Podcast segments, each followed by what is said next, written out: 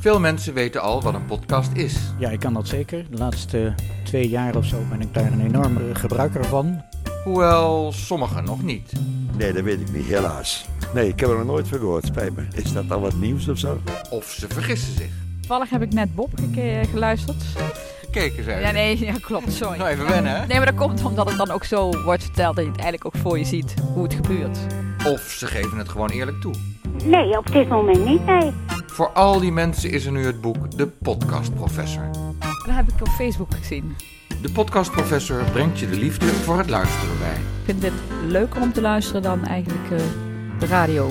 Door interviews met podcastmakers, zoals die van Bob, Sowieso was er iets mysterieus aan de hand. Of met de werkelijkheid, of met haar brein. man met de microfoon En jij bent ook de baas, hè?